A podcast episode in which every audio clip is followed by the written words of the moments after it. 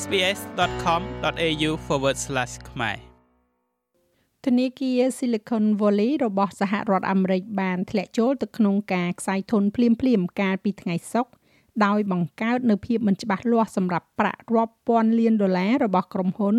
និងអ្នកវិនិយោគិនជាច្រើនខណៈពេលដែលអតិថិជនចម្បងរបស់ធនាគារនេះគឺជាក្រុមហ៊ុនបច្ចេកវិទ្យាដែលចាប់ផ្ដើមថ្មី មានការរំពឹងទុកមកថានឹងមានផលប៉ះពាល់ដល់ហិរញ្ញវត្ថុនៅជុំវិញសកលលោកវាត្រូវបានគេពិពណ៌នាថាជាការដួលរលំដ៏ធំបំផុតរបស់ធនាគារអាមេរិកចាប់តាំងពីវិបត្តិហិរញ្ញវត្ថុឆ្នាំ2008មកធនាគារ Silicon Valley របស់សហរដ្ឋអាមេរិកបានធ្លាក់ចូលទៅក្នុងការខ្សែធនកាលពីថ្ងៃសុក្រនៅក្នុងការដួលរលំភ្លាមភ្លាម ដែលបានបន្សល់ទុកនៅការជាប់គាំងប្រាក់រាប់ពាន់លានដុល្លារពីក្រុមហ៊ុននិងវិនិយោគិនជាច្រើនធនាគារដែលផ្ដោតទៅលើការផ្ដល់ប្រាក់កម្ចីដល់ក្រុមហ៊ុនបច្ចេកវិទ្យាថ្មីដែលហៅថា Startup ដែលមានមូលដ្ឋាននៅរដ្ឋ California នេះ បានជាប់ចំណាត់ថ្នាក់ជាអ្នកផ្ដល់ប្រាក់កម្ចីធំជាងគេទី16នៅសហរដ្ឋអាមេរិកកាលពីចុងឆ្នាំមុនជាមួយនឹងទ្រព្យសម្បត្តិប្រមាណជា209,000លានដុល្លារអាមេរិក ការដំឡើងអត្រាការប្រាក់របស់ធនាគារកណ្ដាលសហរដ្ឋអាមេរិកដែលបានធ្វើឲ្យមានភាពតានតឹងផ្នែកហិរញ្ញវត្ថុចំពោះក្រុមហ៊ុន ដែលចាប់ផ្ដើមអាជីវកម្មបច្ចេកវិទ្យាថ្មី បានជំរុញឲ្យមានការដួលរលំនេះធនាគារនេះបានខាតបង់អស់1800លានដុល្លារអាមេរិកទៅលើមូលបត្រធនាគារឬក៏យើងហៅថា Treasury Bonds ដែលតម្លៃរបស់វាធ្លាក់ចុះបន្ទាប់ពីមានការដំឡើងអត្រាការប្រាក់ខ្ពស់ អតិថិជនដែលភាគច្រើនជាក្រុមហ៊ុនបច្ចេកវិទ្យាបានព្យាយាមដកប្រាក់បញ្ញើរបស់ពួកគេខណៈដែលពួកគេពិបាកនៅក្នុងការទទួលបានហិរញ្ញប្បទានដោយបង្ខំឲ្យធនាគារលក់មូលបត្រឬក៏ bond នៅក្នុងតម្លៃដែលខាតបង់ដើម្បីរ៉ាប់រងការដកប្រាក់យ៉ាងច្រើនទាំងនោះព្រឹទ្ធបុរសនៃមហាវិទ្យាល័យធុរកិច្ចនិងសេដ្ឋកិច្ចនៅសាកលវិទ្យាល័យ Melbourne លោកសាស្ត្រាចារ្យ Paul Kaufman ពន្យល់ពីរបៀបដែលធនាគារងាយរងគ្រោះថ្នាក់ជាងគេ ចំពោះការកើនឡើងនៃអត្រាការប្រាក់ Typically the tech firms are characterized ជាធម្មតាក្រុមហ៊ុនបច្ចេកវិទ្យាត្រូវបានកំណត់លក្ខណៈថាជាក្រុមហ៊ុនសក្តានុពលដែលរីកចម្រើនខ្លាំង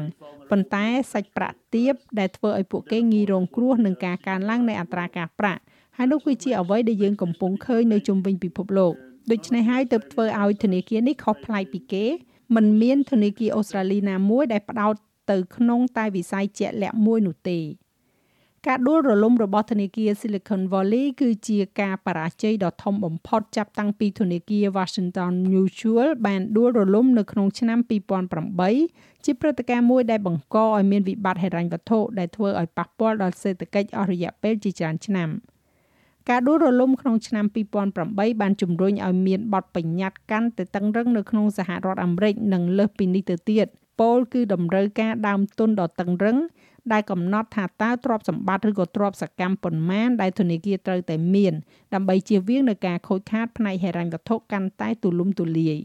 ក្រុមហ៊ុនធានារ៉ាប់រងរបស់រដ្ឋាភិបាលសហរដ្ឋអាមេរិកដែលគ្របដណ្ដប់ទៅលើប្រាក់បញ្ញើរហូតដល់250,000ដុល្លារ មានការព្រួយបារម្ភថាអាជីវកម្មតូចៗនឹងត្រូវបន្សល់ទុកដោយការមិនអាចបង់ប្រាក់ឲ្យបុគ្គលិករបស់ពួកគេបានដោយសារតែប្រាក់បញ្ញើរបស់ពួកគេមានលើសពីចំនួននេះរដ្ឋលេខាធិការក្រសួងរដ្ឋាភិបាលសហរដ្ឋអាមេរិក Janet Yellen ទទូចថា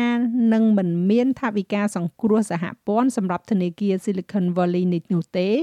ប៉ុន្តែរដ្ឋាភិបាលកំពុងធ្វើការដើម្បីជួយដល់អ្នកដែលដាក់ប្រាក់បញ្ញើដែលមានការព្រួយបារម្ភអំពីប្រាក់របស់ពួកគេ។ As you know, I've asked Congress to raise their ដោយដែលអ្នកបានដឹងហើយថាខ្ញុំបានស្នើឲ្យសភាបង្កើនឬក៏ផ្អាកដែនកំណត់បំណុល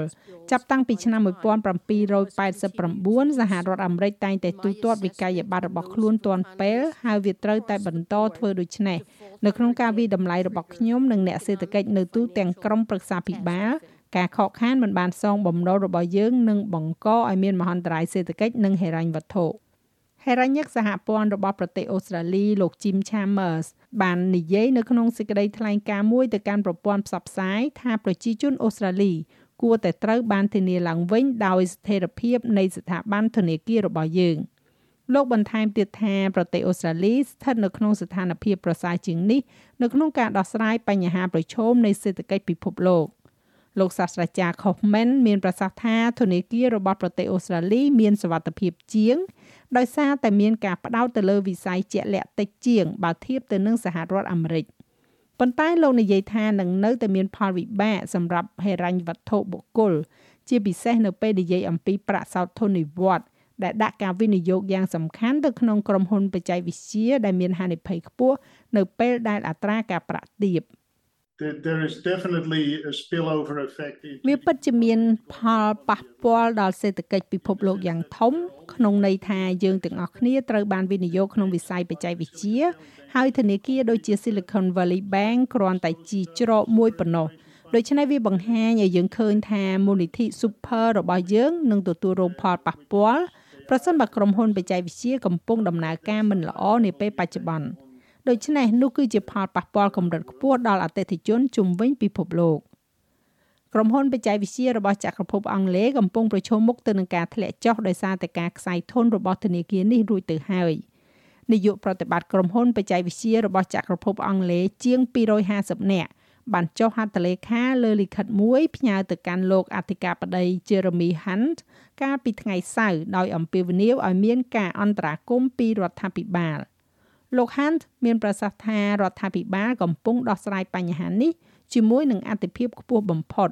ហើយថាធនាគារនៃចក្រភពអង់គ្លេសកំពុងស្វែងសុំដីការបស់តុលាការដើម្បីដាក់ធនាគារ Silicon Valley របស់អង់គ្លេសទៅក្នុងភាពខ្សែធនលោកកំពុងធានាដល់សាធារណជនទូទៅថាมันមានការខ្សែធនខាងផ្នែកហិរញ្ញវត្ថុជាប្រព័ន្ធបន្ទាប់ពីការដួលរលំរបស់ធនាគារនេះនោះទេ ប៉ុន្តែមានហានិភ័យយ៉ាងធ្ងន់ធ្ងរចំពោះវិស័យបច្ចេកវិទ្យានិងវិស័យវិទ្យាសាស្ត្រជីវិតរបស់យើងដែលភាគច្រើនប្រតិបត្តិការជាមួយធនាគារនេះដែលមនុស្សជាច្រើននឹងមិនធ្លាប់បានឮប៉ុន្តែវាកើតឡើងដើម្បីមើលថែប្រាក់របស់អាជីវកម្មដែលជោគជ័យនិងគួរឲ្យរំភើបបំផុតរបស់យើង ហើយយើងកំពុងធ្វើការយ៉ាងលឿនលើដំណោះស្រាយយើងនឹងបង្ហាញផែនការក្នុងពេលឆាប់ៗនេះដើម្បីធ្វើឲ្យប្រកាសថាប្រជាជនអាចបំពេញតម្រូវការលំហូរសាច់ប្រាក់របស់ពួកគេ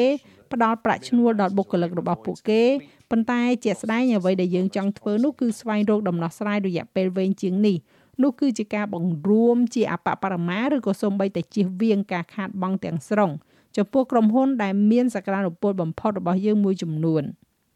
ប្រទេសអ៊ីស្រាអែលក៏ស្ថិតក្នុងភាពងាយរងគ្រោះក្នុងការដួលរលំផងដែរដោយសារតែវិស័យបច្ចេកវិទ្យាគឺជាវិស័យដែលរីកចម្រើនដ៏សំខាន់របស់ប្រទេសនេះដែលមានអាជីវកម្ម Start-up ជាច្រើន ដែលមានគណនីនៅ Silicon Valley Bank ការដួលរលំនេះទំនងជានាំឲ្យមានការធ្លាក់ចុះទំនុកចិត្តលើធនាគារ លោកសាស្ត្រាចារ្យ Kaufman មានប្រសាសន៍ថាគណៈពេលដែលវិជាការដួលរលំរបស់ធនាគារដ៏ធំបំផុតតែមួយចាប់តាំងពីការដួលរលំរបស់ធនាគារ Washington Mutual ក្នុងឆ្នាំ2008នោះនេះគឺជាករណីនៃការដួលរលំរបស់ធនាគារតែមួយជាជាងធនាគារជាច្រើនក្នុងទំហំដ៏ធំនៅលើពិភពលោកដោយដែលបានឃើញក្នុងឆ្នាំ2008ទោះជាយ៉ាងណាក៏ដោយលោកថាវាធ្វើឲ្យមានការចាប់អារម្មណ៍លើបញ្ហាអសន្តិសុខក្នុងវិស័យបច្ចេកវិទ្យា I think it's a bit of a wake up call of what this ខ្ញុំគិតថាវាធ្វើឲ្យមានការភ្ញាក់ខ្លួនបន្តិចចំពោះវិស័យបច្ចេកវិទ្យានេះមនុស្សភាគច្រើនគិតដល់ភោគទ្រព្យភោគផលប៉ុន្តែអ្វីដែលពួកគេភ្លេចនោះគឺថាមានការបរាជ័យយ៉ាងខ្លាំងហើយការបរាជ័យនេះនឹងកើនឡើងដោយគ្រាន់តែមានការកើនឡើងនៃអត្រាការប្រាក់តែប៉ុណ្ណោះ។ ក្រុមហ៊ុនធានារ៉ាប់រងរបស់រដ្ឋាភិបាលអាមេរិកនិយាយថាអ្នកដាក់ប្រាក់បញ្ញើនឹងអាចចូលប្រើប្រាស់ប្រាក់បញ្ញើធានារ៉ាប់រងរបស់ពួកគេបានយ៉ាងពេញលេញមិនហួសពីព្រឹកថ្ងៃច័ន្ទនោះទេប៉ុន្តែ89%នៃប្រាក់បញ្ញើរបស់ធនាគារនេះមិនមានការធានារ៉ាប់រងទេនៅចុងឆ្នាំ2022សាជីវកម្មធានារ៉ាប់រងប្រាក់បញ្ញើសហព័ន្ធកំពុងតែប្រញាប់ប្រញាល់ស្វែងរកអ្នកទិញធនាគារ Silicon Valley ។ ក្រុមហ៊ុនធានារ៉ាប់រងរបស់សហរដ្ឋអាមេរិកត្រូវតែស្វែងរកស្ថាប័នមួយផ្សេងទៀតដែលមានបំណងរួមបញ្ចូលគ្នាជាមួយនឹងខ្លួនបើមិនដូច្នោះទេ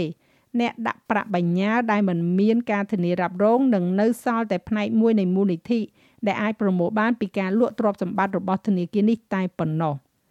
ចាស់ហើយរបាយការណ៍នេះចងក្រងឡើងដោយ Catriona Stirat សម្រាប់ SBS News និងប្រែសម្រួលសម្រាប់ការផ្សាយរបស់ SBS ខ្មែរដោយនាងខ្ញុំហៃសុផារ៉ានី